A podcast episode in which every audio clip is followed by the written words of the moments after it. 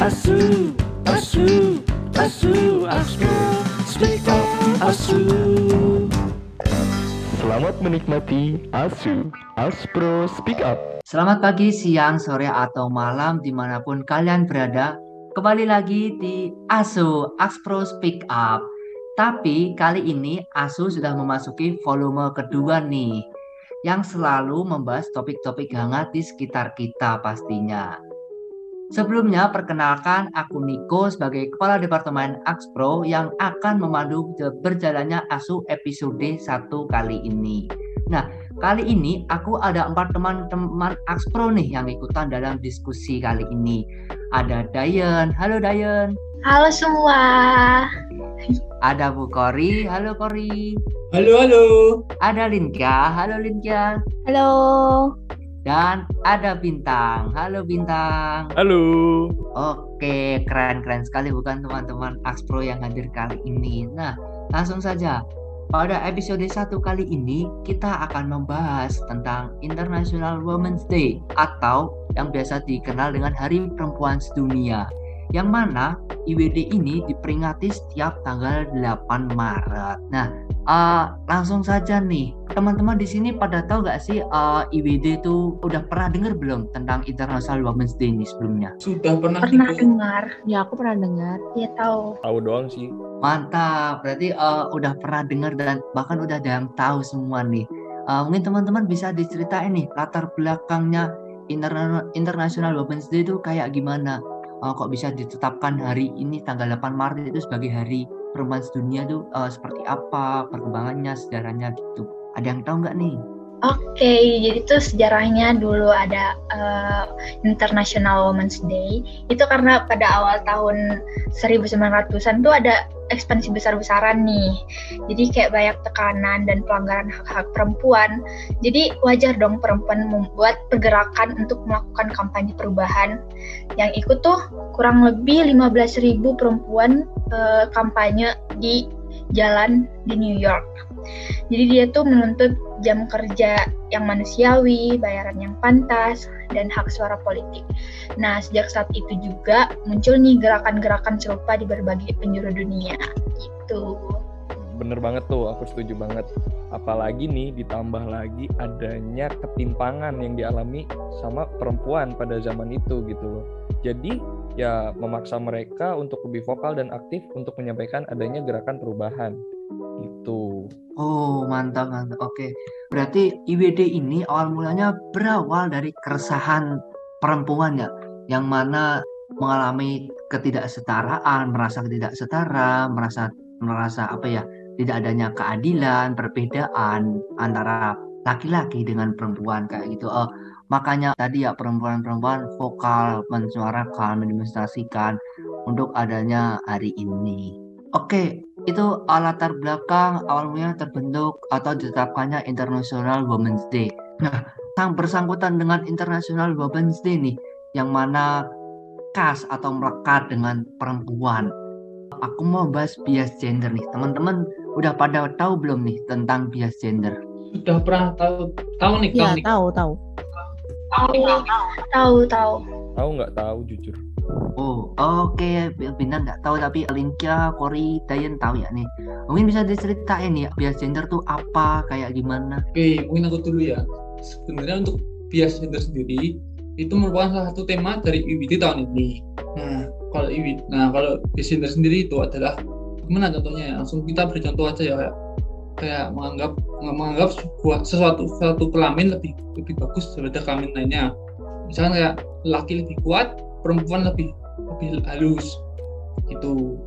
Oh, iya sih, betul banget yang dikatakan sama Mas Kori ya. Sebenarnya secara harfiah atau secara definisi itu bias gender adalah pembagian posisi dan peran yang tidak adil antara laki-laki dan perempuan. Atau bisa juga dikatakan sebagai kecondongan untuk meninggikan derajat salah satu gender yang sehingga itu menimbulkan diskriminasi gitu. Dari yang aku tahu nih ya dan juga pengalaman uh, pengalaman-pengalamanku sebelumnya. Hal ini tuh bisa terjadi karena awalnya itu ada stereotip yang dibangun oleh orang-orang di suatu lingkungan itu gitu.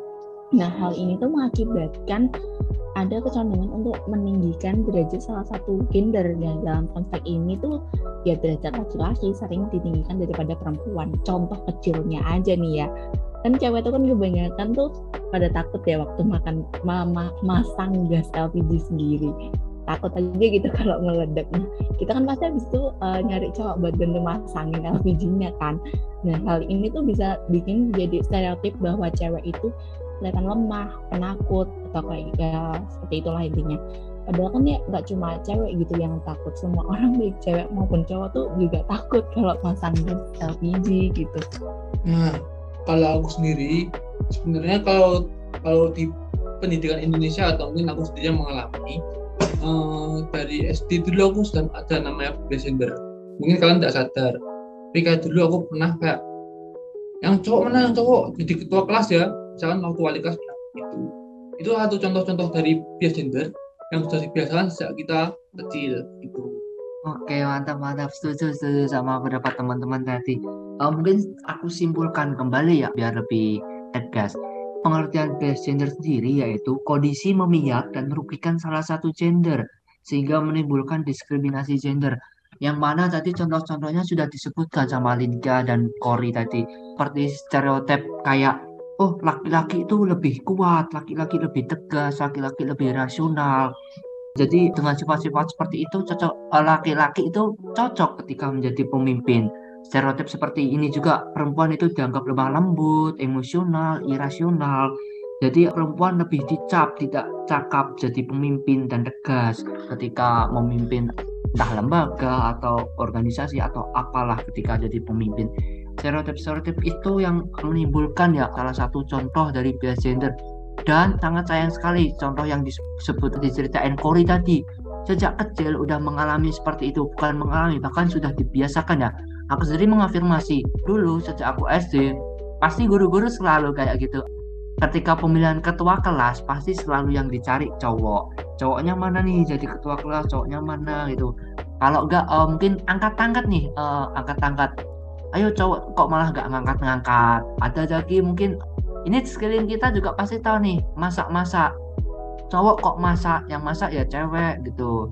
Masa cowok nggak boleh masak sih kayak gitu loh. Padahal di situ nggak ada aturan kan sebenarnya cowok cewek itu harus ini ini porsinya ini ini. Sebenarnya nggak ada.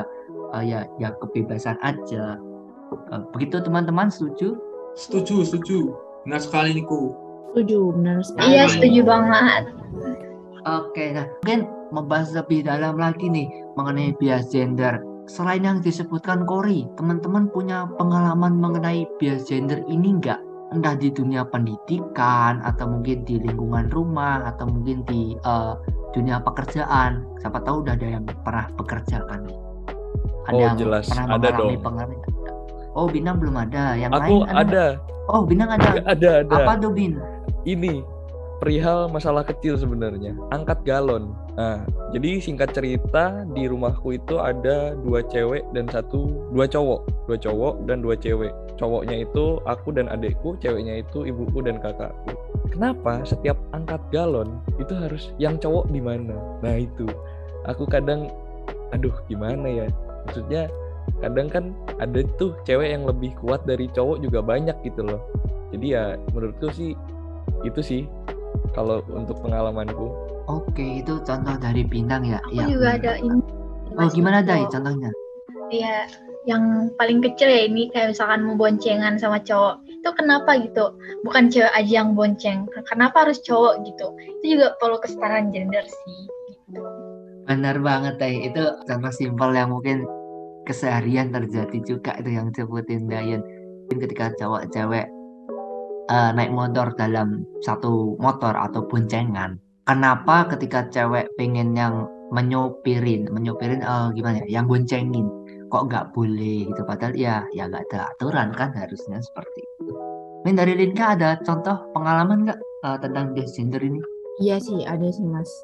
Karena uh, kalau di aku itu contohnya itu ya pengalamanku sendiri ya agak ekstrim soalnya. Waktu itu aku kan pengen kuliah ya pengen kuliah ya tahu kedokteran hewan gitu. Tapi ada beberapa orang yang bilang "Eh, nggak usah sholat di tinggi deh mending kamu di rumah aja nanti kan ujung-ujungnya juga nikah. Yang mending tuh yang yang sekolahnya tinggi tuh lebih baik tuh suamimu aja gini gini gini loh kok gitu? Kenapa masih ada orang yang berpikiran kayak gitu gitu loh. Itu tuh membuktikan bahwa bias gender itu masih ada dan itu tuh ada di sekitar kita gitu loh. Masih banyak orang yang berpikir bahwa derajatnya laki-laki itu masih lebih tinggi daripada perempuan. Padahal ini udah tahun berapa? 2022 waktu itu 2021 ya.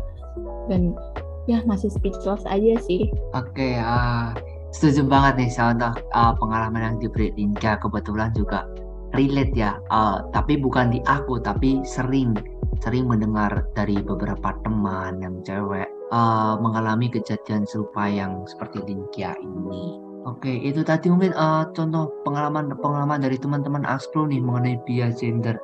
Udah teman-teman udah tahu bias gender itu seperti apa dan teman-teman juga mengalami nih. Nah, dari eh, yang teman-teman tahu dari bias gender nih, kalian tahu nggak bias gender ini memiliki dampak? halo Iya, Lin, gimana Lin? Eh, tahu nggak eh, dampak dari bias gender ini?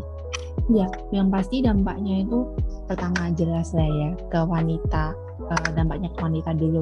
Itu membuat wanita tuh merasa tidak dihargai dan eh, kayak dipandang sebelah mata gitu loh, di nomor dua kan dan dianggap tidak capable, tidak mampu gitu. Padahal sebenarnya ya mampu-mampu aja gitu, tapi karena adanya stereotip dan adanya bias gender ini tuh cewek itu jadi kayak ah kok begini sih? Kok aku kok nggak aku nggak bisa? Kenapa? Kok itu bisa? Kenapa? Kayak gitu kan. Yang pasti jadi lebih nggak percaya diri. Dan yang kedua dari sisi laki-lakinya sendiri yang derajatnya merasa ditinggikan itu tadi merasa bahwa dia itu mempunyai kuasa. Dia merasa mempunyai um, apa ya kayak ya intinya bisa in control gitu. Padahal kan uh, harusnya kan nggak begitu gitu Oke, aku simpulkan ya, eh, dampak dampak dari bias gender ini yang paling utama ya bias gender itu menyebabkan bakal adanya perbedaan perlakuan dan keputusan yang kurang adil antara tiap gender nah laki-laki atau perempuan.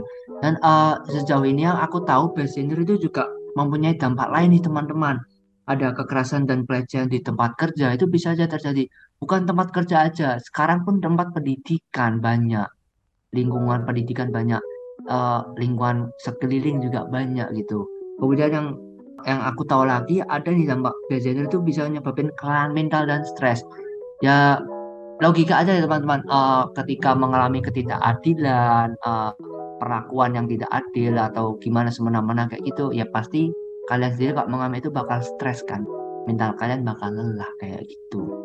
Oke, eh dari bias gender ini nih, dari teman-teman udah tahu kayak gitu, dampaknya seperti itu. Kemudian ada nih gerakan untuk apa ya solusi dari bias gender yaitu kesetaraan gender dan emansipasi wanita. Teman-teman pada tahu udah ada yang tahu belum mengenai gerakan ini kesetaraan gender dan emansipasi wanita? Tahu dong, dikit-dikit sih tapi Tahu, tahu. tahu Mantap, teman-teman udah pada tahu nih berarti eh, mengenai kesetaraan gender dan emansipasi wanita. Menurut teman-teman, kesetaraan gender dan emansipasi wanita tuh apa sih? Jadi kesetaraan gender ya ini. Jadi zaman sekarang tuh kayak keseja- eh, kesejahteraan gender tuh udah nggak tabu lagi ya. Kayak perempuan udah bisa jadi astronot, udah jadi perdana menteri, udah eh, bisa pen- berpendidikan tinggi, bebas untuk bekerja dan lain-lain. Karena dulu tuh sebelum adanya Kartini tuh kayak perempuan tuh dinilai ngapain sih ke sekolah tinggi-tinggi harusnya cowok aja, kamu tuh ini di dapur aja dan gitu-gitu. Sekarang kayak udah perempuan udah bisa milih jalan hidupnya sendiri gitu. Tapi kalau dalam aku tuh, kalau di pendidikan itu ter- terserah kita ya. Cuma kalau di dalam rumah tangga itu tetap eh, cowok sih yang harus memimpin. Karena itu emang kodratnya cowok untuk memimpin sebuah rumah tangga begitu. eh mantep banget ya udah sampai bahas rumah tangga nih. Mungkin kalau dari aku ya kesetaraan gender tuh menurutku menghilangkan diskriminasi terhadap wanita. Itu yang harusnya kita hilangkan gitu loh. Bukan berarti kesetaraan gender adalah ya betul memang kesetaraan gender adalah perempuan sama dengan laki-laki. tapi bukan berarti juga bahwa perempuan harus lebih dari laki-laki dan perempuan harus superior. Nah, jadi gimana ya? Menurutku kesetaraan gender tuh ya kita menghilangkan semua bentuk diskriminasi gitu loh terhadap perempuan. Betul kata Dayan sebenarnya tadi yang berbicara soal rumah tangga. Banyak banget nih kasus-kasus yang kekerasan rumah tangga tuh ya gara-gara ya itu, gara-gara nggak ada kesetaraan gender. Gitu sih. Oke, jadi bahas itu ya bahas tentang gender ya. Nah, sebenarnya kesetaraan gender di dulu sangat dituntut sama era Kartini itu tentang emansipasi wanita. Nah, emansipasi wanita itu apa? Sudah usaha dalam memperjuangkan hak wanita untuk mendapat kesempatan yang sama itu. Nah, eh, untuk untuk menerapkan emansipasi wanita di masa kini, yaitu mungkin jadi untuk perempuan itu diberikan kesempatan yang sama dengan laki-laki, misalkan dalam memimpin suatu pekerjaan atau memimpin pokoknya memimpin bisa di sama-sama semua bisa gitu. Dari aku begitu sih. Iya tuh betul banget yang dikatakan sama Mas Kori ya emansipasi wanita itu adalah uh, upaya yang digunakan perempuan untuk membebaskan diri dari otoritas dan kontrol laki-laki dan struktur kekuasaan tradisional dan peran perempuan ini uh, zaman dahulu ya masih terbatas pada rumah dengan ketergantungan pada suami ditambah adanya kekuatan doktrin agama yang konservatif di zaman dulu makanya hmm. terlahirlah uh, yang gerakan yang dicetuskan oleh RA Kartini itu adalah gerakan emansipasi wanita. Uh, wanita itu bisa menempuh pendidikan sama kayak laki-laki. Kita bisa uh, dulu bisa wanita itu bisa mengenyam pendidikan yang sama kayak laki-laki bisa baca tulis bisa pokoknya Eh, nggak uh, ada alasan buat wanita itu derajatnya lebih rendah daripada laki-laki gitu. Oke, oh, berarti teman-teman di sini pada sepakat nih uh, tentang gerakan-gerakan tadi kesetaraan gender, emansipasi wanita untuk mengatasi uh, permasalahan bias gender ini. Uh, berdasar menurut peran dari wanita, uh, kebutuhan wanita apa apa itu uh, tidak bisa ya uh, tidak bisa ditinggalkan dari dalam hal segi apa pun gitu. Karena uh, sangat dibutuhkan dan sangat adanya kesetaraan itu sangat dibutuhkan. Kayak gitu. Nah, uh, dengan ada teman-teman sepakat dengan gerakan-gerakan tadi nih, aku ada satu kasus nih yang uh, akhir akhir-akhir ini belakangan ini yang apa ya lagi hangat-hangatnya juga. Masih mengenai IWD International Women's Day subjeknya uh, si perempuan juga yaitu beauty standard. Teman-teman pada tahu nggak beauty standard itu apa? Dan mungkin uh, contoh-contoh kasusnya tuh bisa langsung kalau teman-teman tahu bisa langsung diceritain Uh, tahu. Kalau aku sih ya uh, ngomong beauty standard tuh kayak banyak banget ya yang pengen aku ungkapin juga. Kayak masalah standar wanita di dunia itu kayak makin lama makin resah ya. Jadi ujung-ujung yuk ujung-ujungnya juga ke body shaming kayak beauty standard itu kayak bisa beda-beda. Ada orang yang baru mau pakai inilah habis itu dikatain fisiknya lah kayak kamu teman ya kamu gendutan ya ih kok kamu jelek sih pakai kayak gitu? Kayak menurut kamu tuh cantik apakah harus mulus glowing kurus putih? Kayak gitu pacaran aja sama bihun kalau kayak gitu. Terus aku juga ngelihat banyak orang cantik terlihat karena cara dia bicara cara berpakaian sama cara cara pembawaan dirinya gitu I mean kayak mereka nggak kurus, nggak putih, nggak mulus, dan nggak seperti apa yang orang jadikan sebagai standar kecantikan, tapi dia tuh cantik karena pembawaannya yang cantik juga gitu, kalau menurut aku ya. Terus, um, nah banyak juga tuh yang uh, dikatain, ih kamu kok kamu kurusan, gemukan, kayak gitu-gitu. Jadi nanti tuh kayak masuk ke personal orang itu, mental orang tuh bisa kena juga. Nanti akibatnya bisa uh, bunuh diri lah. Uh, nyakitin diri lah. Sampai dia tuh rela operasi plastik gara-gara beauty standar itu juga. Itu kayak bahayanya beauty standar gitu. Wah itu udah lumayan cukup ngeri ya. Apalagi beauty standard nih eh, dampaknya tuh ke mana-mana gitu loh. Bener kata Dayan tadi bisa kena mental juga kan mental mental ceweknya gitu yang dikatain gak cantik lah atau apa. Jujur kalau menurutku ya semua perempuan itu cantik gitu loh. Dan menurutku cantik itu nggak ada standarnya. Karena menur menurutku lagi nih cantik itu eh, nggak bisa itu tuh sebuah subjektif. Jadi nggak ada skalanya gitu. Di mana skala kecantikan seseorang gitu? Apakah bisa dinilai sebuah kecantikan? Menurutku sih nggak bisa ya. Karena ya balik lagi cantik itu relatif menurut orang. Kalau misalkan sebuah barang gitu oh jangan barang deh. Mau misalkan sebuah bunga bunga itu cantik tapi kan ada juga beberapa orang yang ah nggak suka bunga itu nggak cantik. Terus juga eh, susah dapat apa ya gara-gara ada beau- beauty standard ini tuh jadi susah apa ya susah dapat pasangan gitu loh. Kayak diomongin ah dia mah nggak cantik jadi nggak nggak mungkin dapat pacar. Dia kan misalkan eh, dia mah pasti ini nih cowoknya banyak nih gara-gara cantik banget dia gitu. Mungkin apalagi ya udah sih kalau dari aku segitu dulu sih soal beauty standar Oke, ada lagi nggak nih teman-teman yang mau menyampaikan tentang beauty standard nih? Ini aku mau nyampein. eh, kalian tahu nggak sih tentang Instagram, akun Instagram nih ya, base gede yang namanya itu eh, misal nama univ titik cantik. Jadi itu Instagramnya itu isinya eh, nge-repost foto cewek-cewek cakep dari universitas itu. Nah itu tuh menyebabkan eh, obrolan hangat ya di kalangan mahasiswa dan non mahasiswa sekalipun. Karena melihatnya itu oh ini mahasiswa mahasiswa tuh uh, image-nya tuh kayak gini pada cantik kulitnya putih tinggi rambutnya warna-warni atau yang pakai jilbab atau yang nggak pakai jilbab. Maksudnya terciptalah suatu stereotip di situ di mana cewek itu harus kayak gini harus kayak gitu nah mengakibatkan adanya stereotip itu tadi. Ini tuh jadi bikin apa ya istilahnya jadi bikin beberapa cewek itu minder gitu. Karena ya aku kan nggak putih aku kan kulitnya kan nggak cerah aku rambutnya nggak diwarnain aku nggak cantik dong berarti nggak kayak yang di eh, ya aku fotoku nggak di repost di akun Instagram ini gitu. Nah itu tuh juga salah satu apa ya hmm, beauty standard yang menciptakan beauty standard di kalangan mahasiswa khususnya. Wah, menarik nih eh, umpan yang dilempar Linka mengenai akun-akun univ cantik, univ cantik, univ cantik. Oke, teman-teman sebelumnya ada yang mau nanggepin lain nggak mengenai umpan yang dipancing sama Linka nih? aku mau menanggapi Eh, gimana Bin?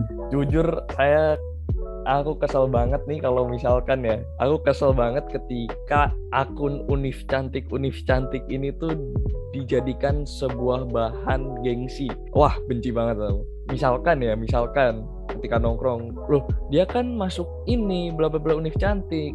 Wah aku udah jujur menurutku apa ya kayak wah nggak bener nih. Menurutku kayak gitu sih karena nggak enak aja gitu loh ketika itu dijadikan sebuah bahan gengsian gitu loh. Yang mana nanti menjadikan? Mungkin ya mungkin akan menjadikan teman-temannya lai- lain yang dengar ah ya gue nggak gue mah nggak cantik gitu. Makanya aku jujur benci banget tuh ada akun univ cantik univ cantik itu benci ya Iya, dan itu tuh terjadi nggak cuma ke univ cantik, tapi ada juga univ titik ganteng, tau nggak sih? Jadi itu membuat kesetaraan, eh enggak kesetaraan, apa sih istilahnya kayak beauty standard dari wanita maupun pria gitu loh. Jadi tuh bisa aja yang cewek juga minder, yang cowok pun juga minder karena dia mungkin merasa ada orang yang merasa kalau ya berarti gue nggak cakep dan kan foto gue nggak di repost di cantik gitu atau univ ganteng gitu Eh, ini tuh menimbulkan apa ya sebenarnya? Ya perbincangan hangat sih kalau menurut aku. Oke, Eh, kalau menurutku ya baik itu apa ya kalau itu buat beauty standar itu banyak ya sebenarnya. Beauty standar itu menurut satu adalah kualitas itu bagaimana dari seorang perempuan atau laki-laki itu. Jadi benar kata teman-teman beauty standar itu bukan hanya sebenarnya yang tinggi yang mulus yang putih yang kurus mana kalau menurutku beauty standar itu bisa lebih ke kualitas orang bagaimana gitu sih Oke teman-teman, ah berarti aku Oke, simpul jadi. Oh, Gimana Dai? ya aku tadi mau nyimpul ini sih yang di univ cantik itu. Jadi kalau buat perempuan di luar sana yang nggak masuk univ cantik tuh nggak apa-apa. Kalian tuh cantik apa adanya, cukup kalian sendiri yang tahu dan Tuhan yang tahu. Mantap Dayan eh, kesimpulannya ya. Oke, ah. ini yang kesimpulan juga teman-teman di sini berarti pada kontra ya dengan uh, cantik ini. Karena dengan beberapa alasan tadi udah disebut teman-teman pertama itu bakal menimbulkan apa ya standarisasi uh, antara tiap gender antara standarisasi antar wanita atau antara wanita. Kayak tadi udah disebutin wah kamu nih putih kamu nih uh, rambutnya bagus lurus kamu nih tinggi gini gini gini. Itu seolah-olah bakal jadi standar gitu buat supaya masuk ke akun ini standarnya kayak gini gini gini. Nah itu awal mulanya yang bisa bikin beauty standar. Kemudian kedua kalian sadar kalian pasti sadar uh, apa ya orang-orang yang bakal yang masuk di univ cantik ini pasti bakal dapat atau memiliki privilege tersendiri. Nah ini yang bakal repot nantinya uh, ketika di keseharian ya menurutku ya. Kayak gitu nah mungkin aku simpulkan lagi nih karena tadi bahasa bahasanya agak panjang juga mengenai beauty standard dan berbagai apa ya tanggapan dari teman-teman uh, teman-teman di sini menganggap tidak perlu adanya beauty standard dan sangat uh, kontra dengan adanya ini. Yang pertama karena alasan tadi menurut teman-teman Aspro nih semua perempuan itu cantik dan unik. Kalian tuh harus sadar ya teman-teman kalau keragaman yang kita miliki itu berharga banget. Coba bayangin aja deh kalau misal uh, kita semua punya bentuk wajah dan penampilan yang sama, pasti kehidupan bakal bosen bukan? Benar nggak teman-teman? Misal nih muka penampilannya kayak bintang semua atau mungkin muka penampilannya kayak aku semua gitu kan bakal bosen. Tiap hari masa ketemu Niko mulu, tiap hari ketemu bintang mulu, mukanya sama-sama semua gitu. Nah, justru dengan keberagaman itu hidup itu jadi lebih asik dan spesial teman-teman. Itu poin pentingnya gitu Terus yang kedua, uh, tadi sudah disampaikan Dayem sama Lingka juga ya, beauty standard ini bakal susah mendapatkan pasangan. Karena banyak uh, istilahnya kasarnya kayak spek ya, kalau ya bahasa kasarnya. Tadi udah disebut Dayen, bina cewek kok yang putih mulus, ya ya udah pacaran sama Biun aja gitu kata Dayen. Nah ini nih beauty standard yang bikin apa ya susah mendapatkan pasangan. Alasan keduanya, uh, jadi teman-teman stoplah bilang dia aja yang jelek bisa punya pasangan masa kamu enggak? Terus atau wajarlah punya pacar dia kan cantik. Nah uh, ini nih yang perlu di stop sama teman-teman karena ini termasuk penyebab ya uh, munculnya beauty standar ini. Apa ya karena cantik itu ya udah disebutin teman-teman tadi cantik itu relatif dan nggak ada hubungannya. Kamu punya pasangan atau nggak punya pasangan itu nggak ada hubungannya standar kecantikan juga dikonstruksikan oleh media dan juga masyarakat. Itu yang nyebabin gitu. Terus alasan ketiga kenapa menolak adanya beauty standar? Ini berdampak gitu pada kesehatan mental. Laki-laki bahas kesehatan mental kesehatan mental. Uh, bayangin aja kalian kalau sadar kita harus memenuhi standar dari semua orang itu tentu jelas bakal menimbulkan pressure gitu ke kita. Uh, misal teman-teman beranggapan kok kamu kok jelek toh rambutmu gondrong gini. Kok kamu kok jelek toh? Kamu kurang tinggi gitu. Ya bayangin kalau ketika diomong gitu itu pasti bakal jadi pressure gitu. Dan itu yang otomatis bakal bikin kita sendiri gitu. Kalau ketika menganggapnya berlebihan dan omongan itu ada kita pasti bakal stres. Stres diri uh, bakal berdampak kan ke kesehatan mental kita. Jadi ya udah sok gue percaya diri aja gitu teman-teman itu sih uh, kesimpulan dari alasan alasan kenapa tadi menolak beauty standard dan tanggapan-tanggapan teman-teman Astro ya mengenai beauty standard. Oke, sepertinya pembahasan tentang International Women's ini nggak berhenti di latar belakang gerakan atau mungkin kasus-kasus aja nih teman-teman. Kita bahas lebih dalam lagi nih karena masih bersangkutan. Ini juga lagi hangat-hangatnya, lagi apa ya? Desak-desaknya urgent juga mengenai RUU PKS. Teman-teman tahu nggak mengenai RUU PKS ini? Tahu Niku. Oke, uh, dari Kori tahu nih. Teman-teman yang lain gimana? Masa pada nggak tahu? Aku tahu, Tahu. dikit-dikit sih. Mantap, berarti pada tahu semua nih. Nah, RUU PKS itu apa sih teman-teman? Atau mungkin sebelum membahas RUU PKS dulu nih. RUU PKS kan uh, tentang kekerasan seksual ya. Uh, teman-teman bisa nih uh, aku minta pendapat teman-teman kekerasan seksual itu apa sih? Oke, masuk ya teman-teman.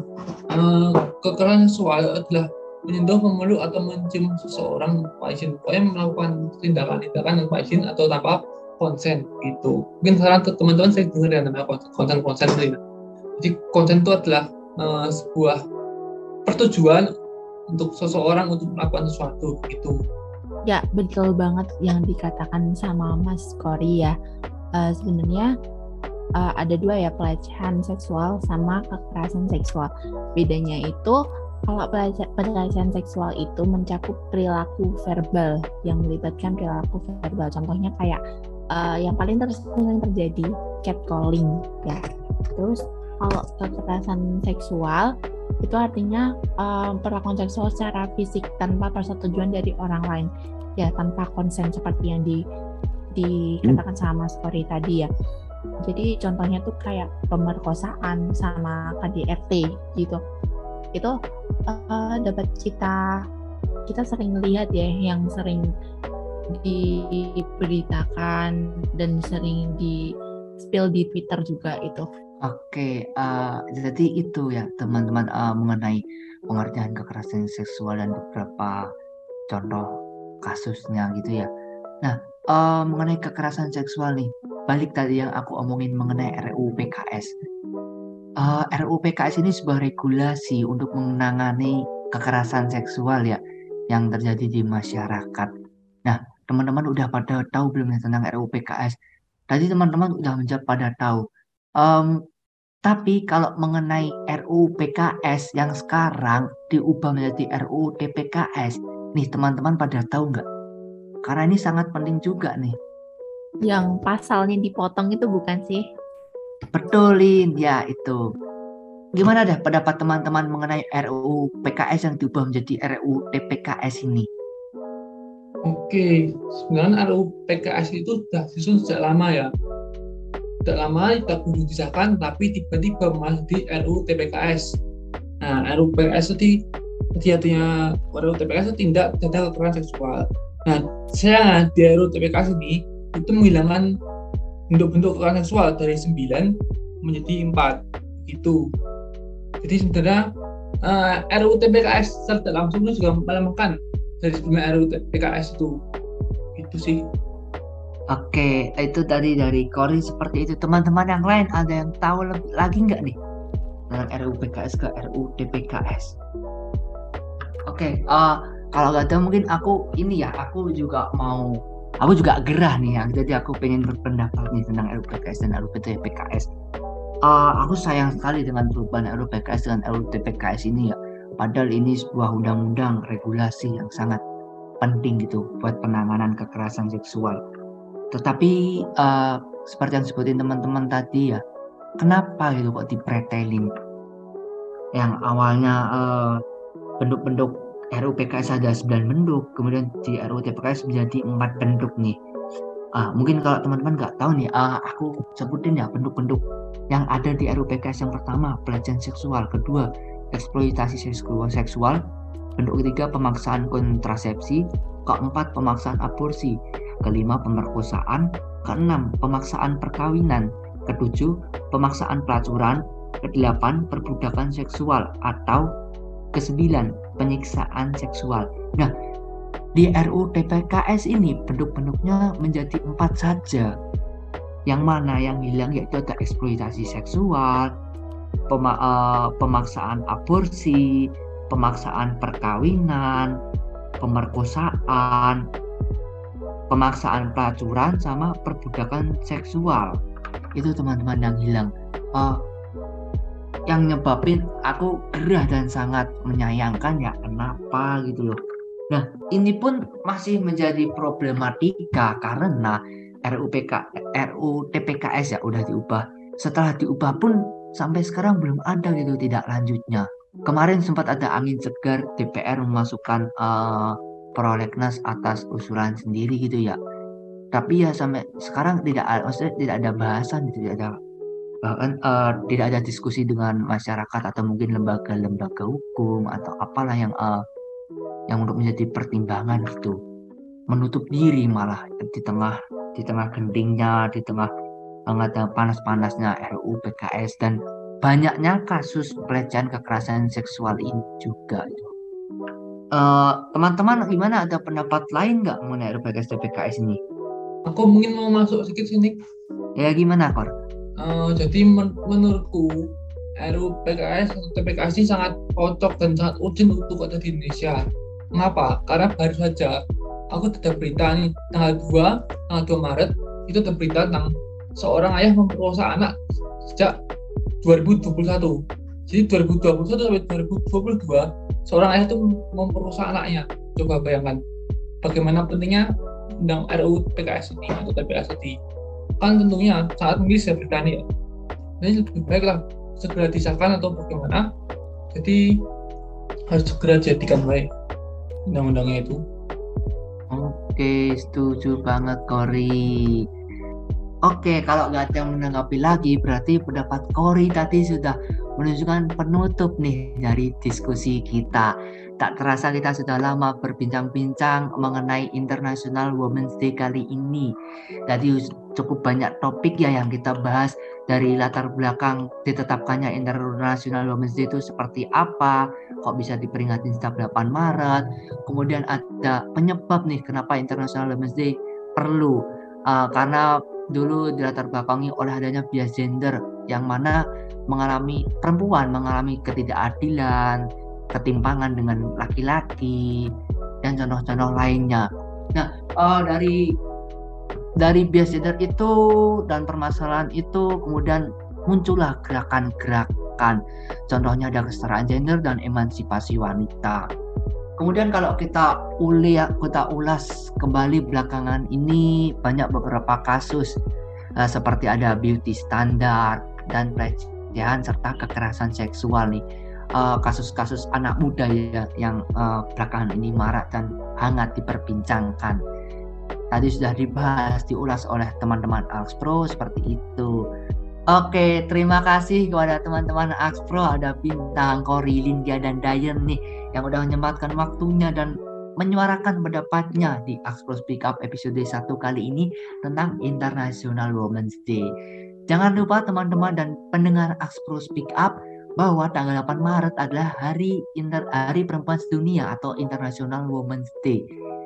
Nah, uh, harapannya dengan Aspro Speak Up episode, 1 kali ini, para pendengar setia ASU jadi lebih melek nih, jadi lebih terbuka mengenai kesetaraan gender, emansipasi wanita. Jadi harapannya ke depan tidak ada lagi kasus-kasus seperti tadi ya yang sedang marak yaitu pelecehan dan kekerasan seksual.